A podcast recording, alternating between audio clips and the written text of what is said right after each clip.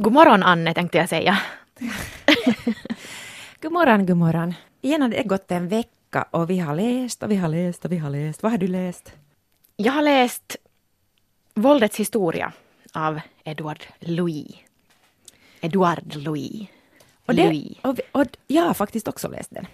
Plus att du har tittat på den mest spännande filmen någonsin, Tuntematon. Ja, och den... av Ville Hyvönen och Johannes Ekholm. Men ska vi börja med våld? Ja, våld är alltid lösningen.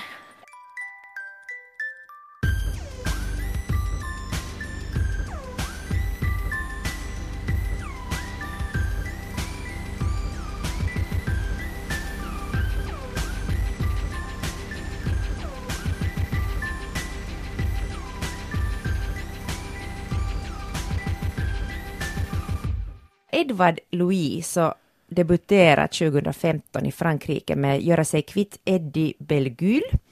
Och det finns eh, sådana enormt genomslag i Frankrike.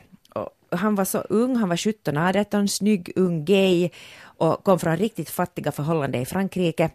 Från en sån här sjaskig liten fransk by som är allt, så långt borta som det här idylliska Provence som man bara kan komma.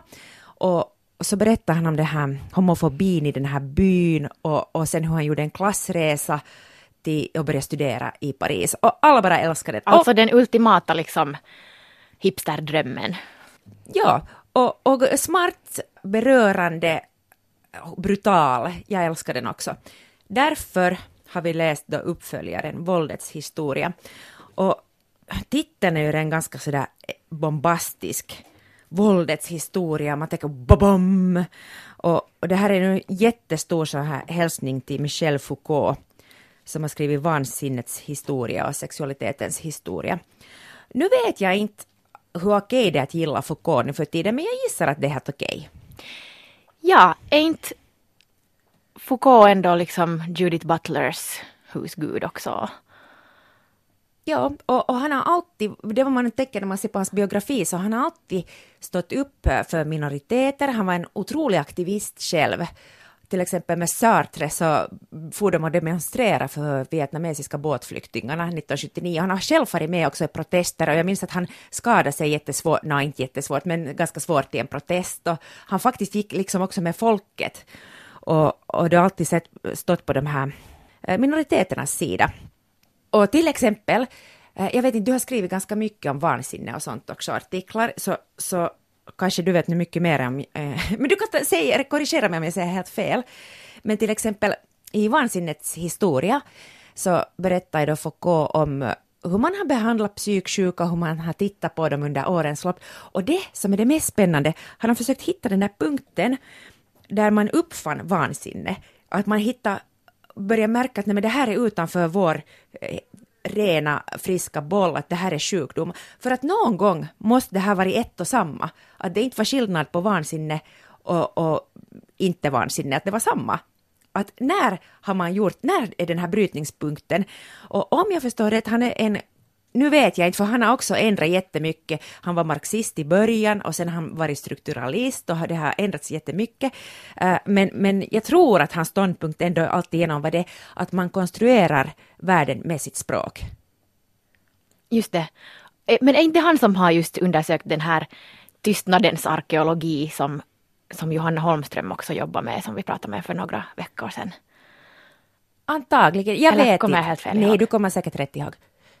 Alltså liksom just att via språket hitta äh, gr grunden. Alltså men det är lite samma som du var inne på, att, att hitta vansinnets liksom, rötter på något sätt. Jo, jo, men vem, vem var det Eller som... via det som sägs eller det som inte sägs. Men vem var det som hade ett citat av Foucault nyligen i sin bok? Inte var det nu väl Holmström? Ja, ja. Var det så? Jag tror det. Det var så? Okej, okay, bra. Ähm, um, titta hur uppmärksam jag är. Ni har nog läst det, nu, nu, nu faller alla bitar på plats, det är helt sant. Och han pratar också jättemycket om den där diskursen. Det som, för att finnas så måste man finnas mot något annat. Och, och det uh, att han undersöker mycket de här tillfällena när saker som tidigare har varit tabu har blivit möjliga att prata om. Som till exempel homosexualitet eller sånt, och det är de här samtalen i diskursen jag, det här jag är på jätte tunt vatten. Jag kommer ihåg att jag studerade det här när jag var ung, men det är så otroligt länge sedan.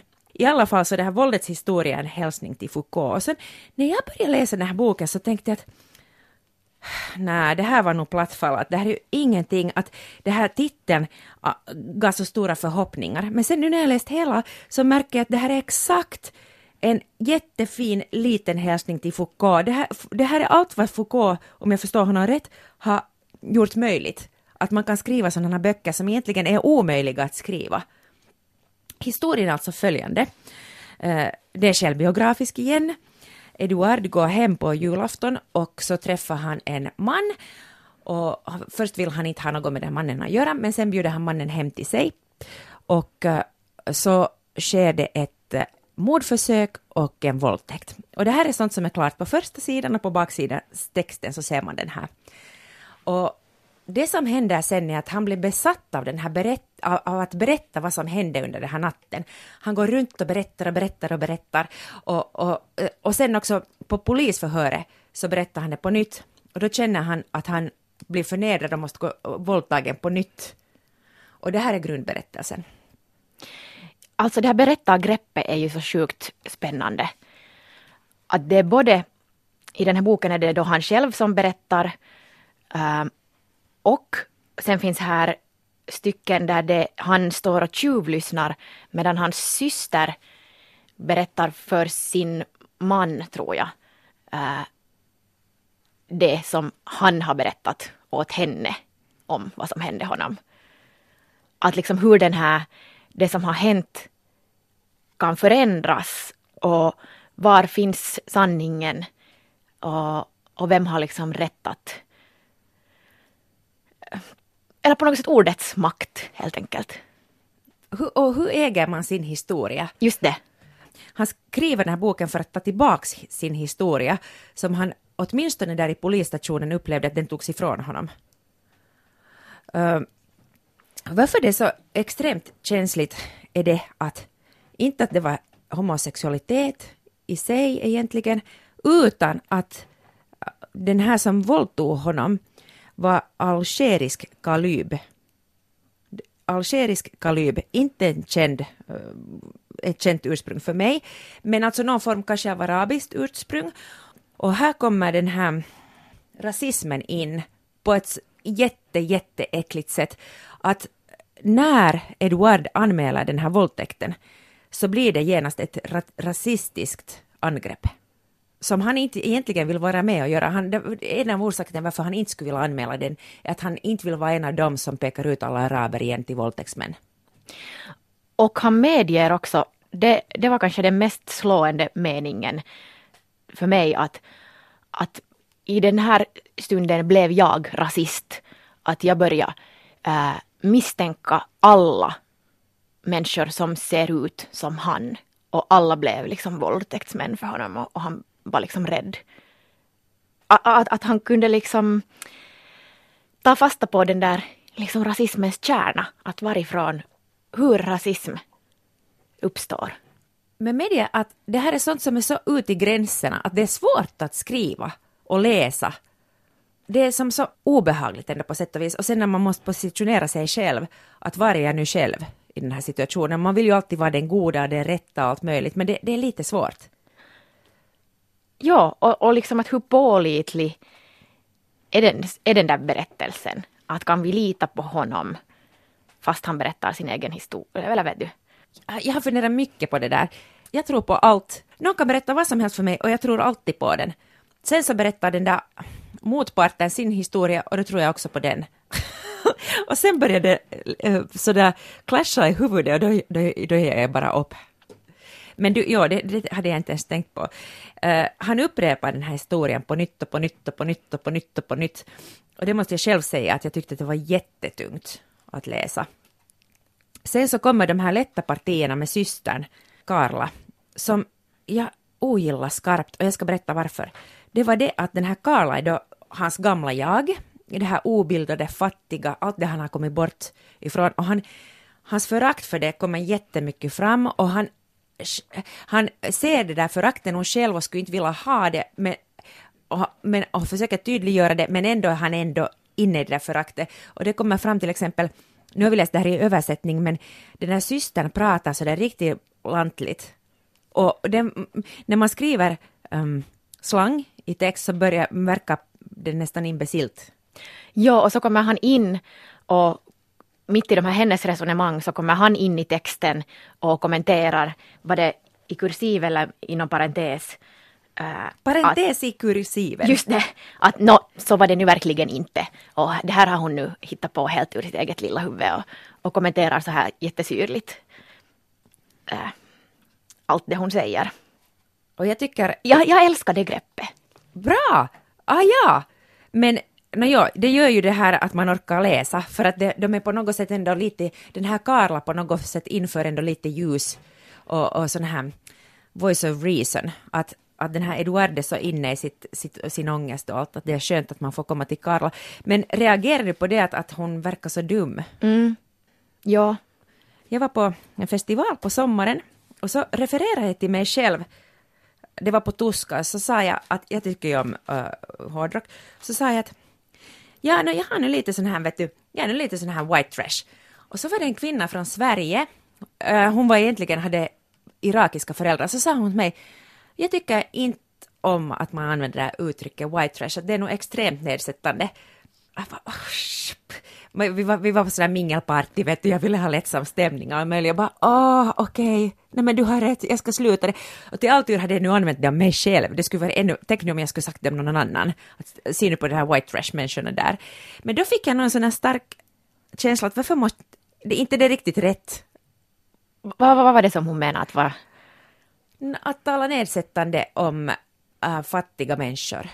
Men vet du vad, jag tänker att det är liksom också en klassfråga att du och jag som ändå så tydligt hör till medelklassen, så vi kan liksom lite sådär, vet du, kulturellt appropriera white trashigheten. Det är det. Och det att för är... oss är det okej okay att vara white trash. Uh, för att vi ändå inte är där. Men vet du vad? Eller liksom, jag menar inte okej, okay, men, nej, men nej, att nej det är inte liksom fult. Att vi kan ha äh, fula länkare och äh, massa smink eller vet du. Jo, jo, och oj, han är sån här Kerava-stil idag. Ja, och det blir en fashion statement för att det är ett val vi gör. Att vi kan liksom låna men, attribut. Men vi måste nog sluta genast. Ja. Tänk själv, man skulle sitta där utanför sitt hus som man inte har Alltså Eller sin trailer. Ja.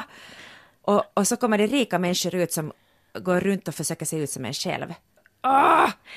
Ja, jag vet, men äsch, det är så roligt. White trash, jag älskar white trash-stilen. Förlåt, får man inte säga Men... Mm. Nej, man får inte. Om man själv är white trash, så då får man. Och då kanske man inte vill använda det begreppet heller. Ja. Och med det, där, det är ju inte heller att det bara har med det där mm, fysiska förutsättningar att göra, utan det har också med intelligens att göra. Att för mig, så, åtminstone jag ser alltid white trash, att det är så extremt dumma människor. Så. Det är kanske mera det, ja. Sen tänker jag ändå att det är ju liksom ändå innanför vår egen kulturella kontext att, att det är ändå så nära. Men kanske, kanske du och hon den här personen på Tuska ändå har rätt att det, det är nog lite på gränsen. Man kan ju fundera på det. Inte vet jag hur allvarligt det här är, men man kan ju fundera på det. Och, och det var kanske därför jag tänkte att det där Karla, att är hon nu så här dum? Jag förstår. Mm. Och lantlig. Och, och, och, och, det är jättelätt för att alla känner vi de här dumma människorna. Eller hur? Som man själv inte alltid är då förstås. Andra tycker själv att man hör till den gruppen. Men så jag, jag blev liksom lite ledsen på hennes och hennes vägnar. Dessutom är det säkert en riktig person också, eftersom den är helt självbiografisk. Så det finns en riktig Karla som sitter där Kanske hon är så illitterär att hon inte ens kan läsa sin brors böcker. Men på något sätt är det ju ändå henne man sympatiserar med, eller hon som blir min fasta punkt i den här berättelsen. Ja, att det är liksom, ja, ja men som du sa redan, att det är lättare att se det via hennes ögon, för att han är så ute och flyger, vet du, i helt andra sfärer. Jag blev ibland extremt irriterad på honom. Jag var sådär, och jag tänkte det här är så fult att jag får inte säga det här, i synnerhet inte högt i podden. Men jag var, ibland fick jag sån här känsla bara att nu skärper du dig. Att du är din gnällspik. Men det är nog jättefult. Men å andra sidan, kanske jag har rätt att känna så. Jag behöver ju inte skriva det till honom i ett brev. Det är ju onödigt. Nej, men mm, nu är det ju superintressanta teman, hela det här, liksom både rasismen och nu tycker jag att homofobin var en, ändå en central del av det. Och han har sagt i någon intervju att, äh, att han måste skriva om våldet. Att han tycker att det är någonting som fattas i dagens, eller liksom i samtidslitteraturen. Att det existerar i samhället men det speglas inte i litteraturen hur våldsamt hur våldsam vår värld och vår kultur är. Och att var ska man börja att analysera det och, och lyfta fram det. Och det, och det är nog helt sant, liksom bara i min bekantskapskrets, hur mycket äh, våldsbrott, våldshandlingar folk utsätts för. Alltså helt på riktigt. Att om man tillhör en minoritet eller liksom både rasistiskt och homofobt liksom, våld. Också i Finland. Att det inte heller är någonting som är en verklighet någonstans någon annanstans. Utan det där våldet genomsyrar vårt samhälle. Så att jag tycker nog att det är jätteangeläget att han börjar nysta upp det. No, nu när du säger så, verkligen, alltså det att en man berättar att han har blivit utsatt för våld och misshandlad, det är jätte, jättebra. För att jag har märkt män som har blivit misshandlade skäms mer över det än kvinnor. I synnerhet om det har varit inom ett förhållande. Så, så det är riktigt sådär shh, att berätta inte det här åt någon. Att det ligger nog hemskt långt, svårt för dem att berätta att, att de har blivit misshandlade. Verkligen. Och, och hela den, den diskussionen man kommer in på via det, liksom den här maskulinitetsnormen och hur djupt det sitter. Reagerar du på det att han aldrig själv kände sig riktigt skyldig. Vanligtvis i våldtäktshistoria så kan den där människan tänka att jag borde kanske gått en annan väg. No, okej, okay, han tänker det nog no, lite sådär, men han sätter nog inte någon skuld på sig själv. Vilket känns jätteskönt. No, det är ju bra. Ja, jag tänkte kanske inte på det. Jag, jag reagerar på det där att han ändå, hur mycket han tvättar sig själv och tvättar, städar hela lägenheten och skrubbar och och att han, hur smuts, den där smutsiga känslan man har efteråt. Och att det är liksom omöjligt att bli kvitt den där mm, gärningsmannens lukt och minnet av den där beröringen. Och det var jättestarkt. Men äh, inte sätter han ju skuld på sig själv. Att om det skulle ha varit en, en våldtäkt eller en man som våldtar en kvinna så tänk att det är en, Tänk att det, den diskussionen fortfarande finns. Att...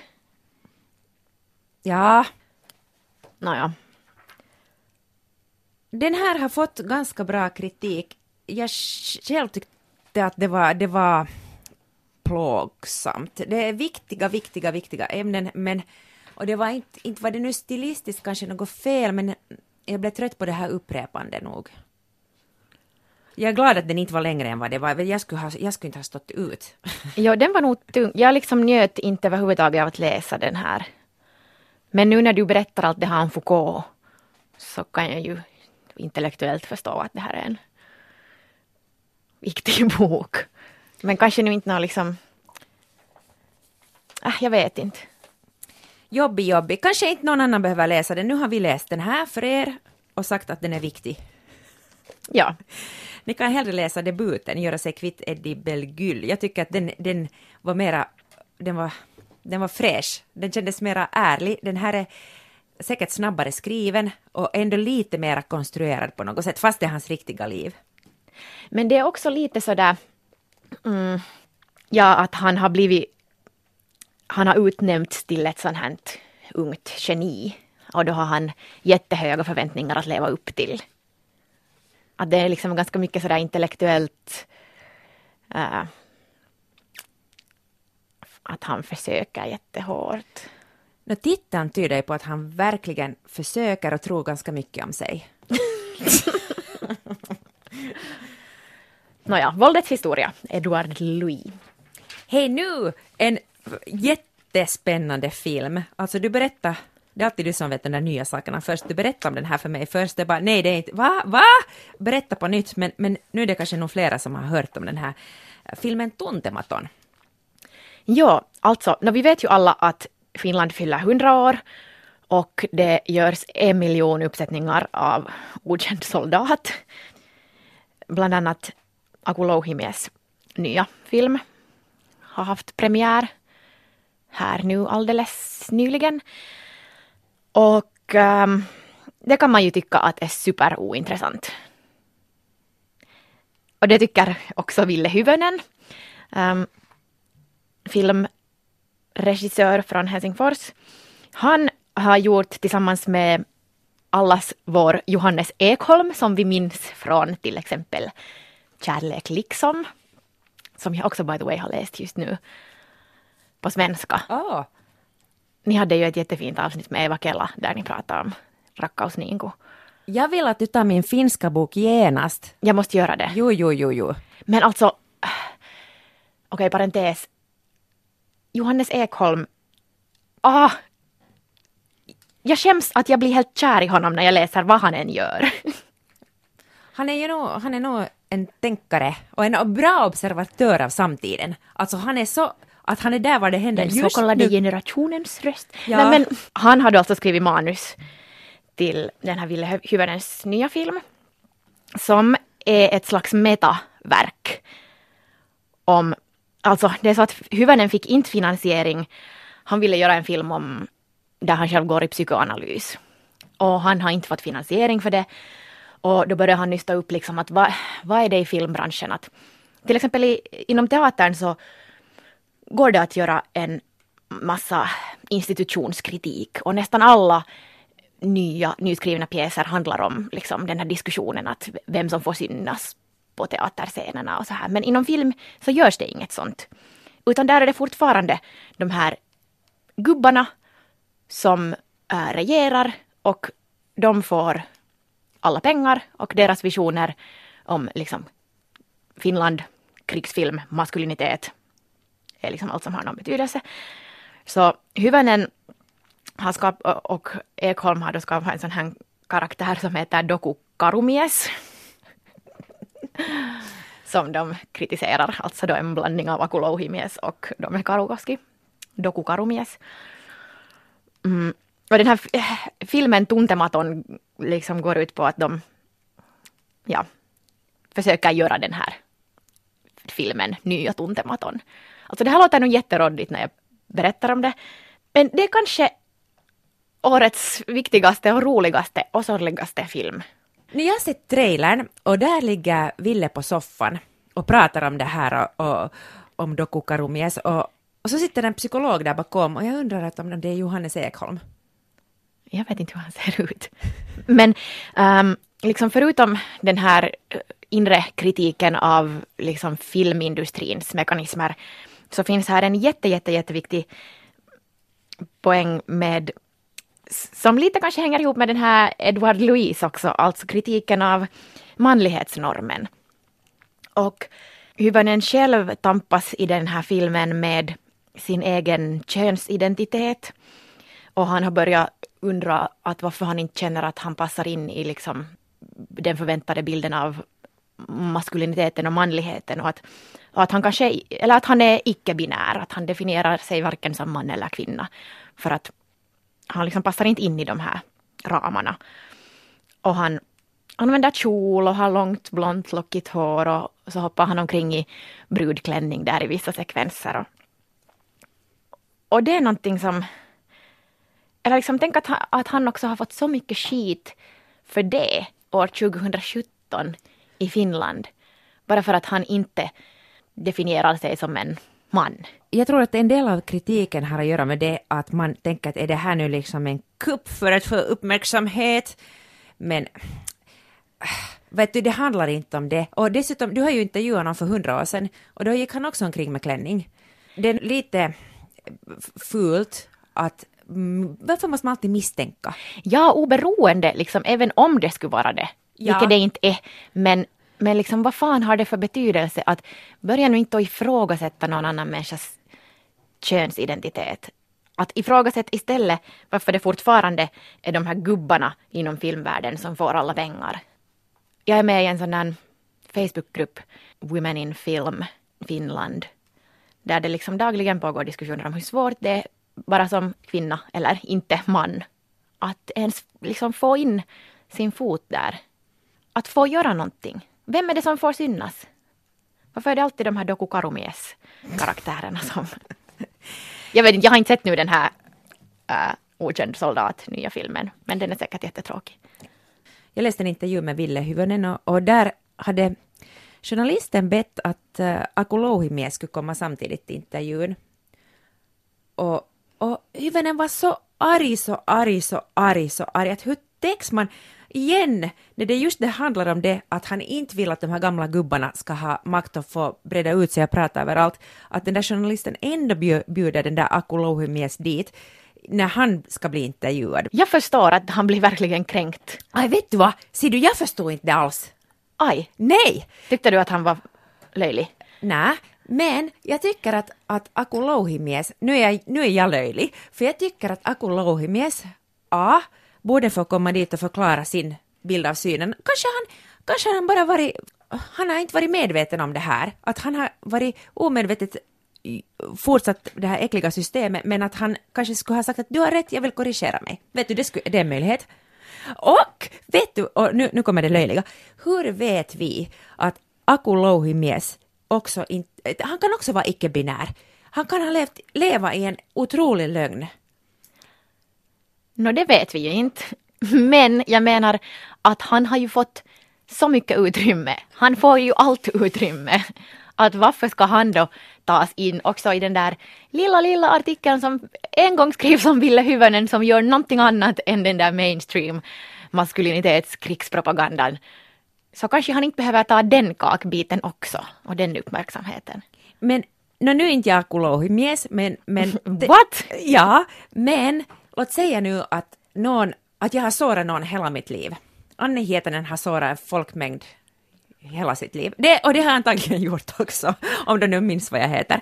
Nå, så, så finns det någon sån här subgrupp i Borgo som jag hade offendat hela mitt liv. Och så gör de en film om det här och jag får inte komma och säga förlåt eller... Men, men vet du vad? Att ja. Jag tror inte att det handlar om att Aku Louhimies liksom personligen har, inte har ju någon hävda heller att det är han personligen som medvetet har sårat någon, utan han här representerar eller därför i den här filmen då är det Doku Karumies som representerar liksom den här strukturen av äh, vita cis-hetero män.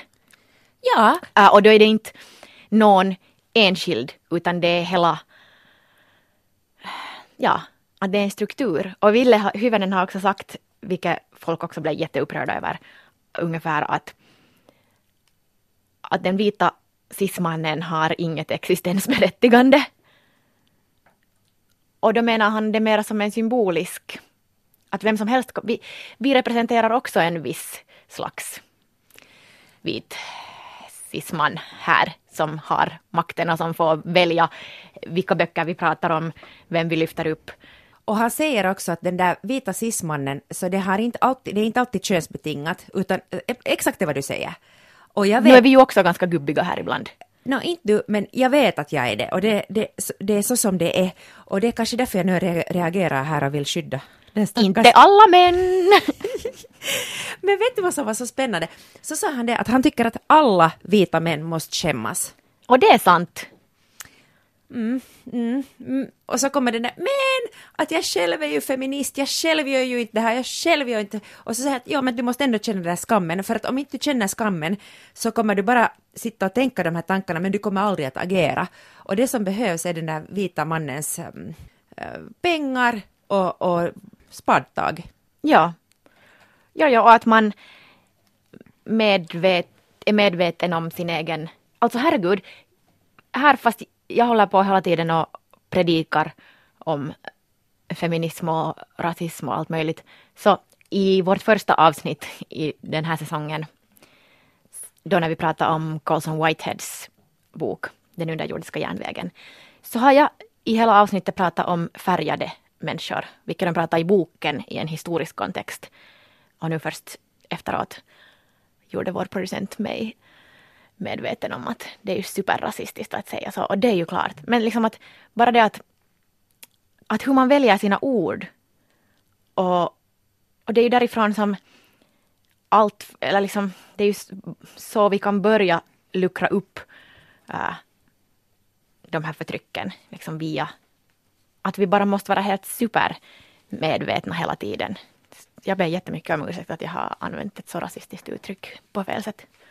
Eller överhuvudtaget. Jag har, ja, no, jag har ju också gjort det, men, men så, så, Nej, men liksom att ja, mm, mm, om man säger färgad så utgår man ju från att normen är vit. ja. Vitasismen finns överallt, också, också när man inte men, menar illa. Det handlar inte om vad man menar, utan vad man gör och säger på riktigt. Exakt det. Det, Och man har ju nog råd att, jag menar, kanske man inte behöver som vit cisman då bli så jättekränkt personligen. Men jag tycker det är jätteroligt att det här diskuteras nu också i Finland. Maskulinitetskritik. vet du vad jag blev mest chockerad över? Nå. Eller, nej, jag blev inte. Men jag blev så här, oj nej. Huvuden berättade att när han går omkring då med kjol, så kan det komma, eller så kommer det män sådana som börjar catcalla honom på gatan, vet du, komma med riktigt sådana här sexinviter. Och sådär att, att nej, jag ska inte säga vad det är för det låter så fult. Va? Juho Pylvänainen hade ju en, på Twitter en sån här meckohaaste för Ja. något år sedan där han gick, där han tog bilder av sig själv i klänning. Och det var många som hakade på det, många män. Och han brukar också själv ha läppstift och sådär. Han är år, årets hetero faktiskt, utnämnd i fjol. Men, eh, men han fick nog också jätte, jättemycket skit för det. Tänk att det kan provocera att en man klär på sig ett plagg hur kan det, eller att det betyder ju att den, den där maskuliniteten eller manligheten inte sitter så jättedjupt om den kan bli mm, sårad av något sånt, här, vilket egentligen är jättebra. Att då kan man ju säga att ah, det här är bara ett skal. Vad händer om vi skalar bort det? Vad finns där under? Allt är bara en konstruktion. Yes! Förra, I förra avsnittet så sa vi att vi skulle tala om vår favorithusgud uh, Roxane Gay och hennes senaste Hunger, men vi tar det i nästa avsnitt. Så har vi någonting att se fram emot. Sen har vi också en bok som utspelar sig i Colombia. Och den ska bli så rolig att prata med dig om, för att när jag läste den så tänkte jag hela tiden, det är ju Ida det här, jag läser om Ida. Nå, Har du varit i Colombia? Nej. Colombia? men nu vill jag åka. Nu måste du fara. Hej, vi hörs igen nästa vecka. Tack för att ni har lyssnat. Vi blir jätteglada om ni sprider den här podden och berättar om den åt era vänner och fiender. För, speciellt åt fienderna. Och eh, Alla vita cis-män. Henrik Heselius har gjort eh, vår fina nya jingel och Kia Svetichin är vår producent. Hej då! Hej hej!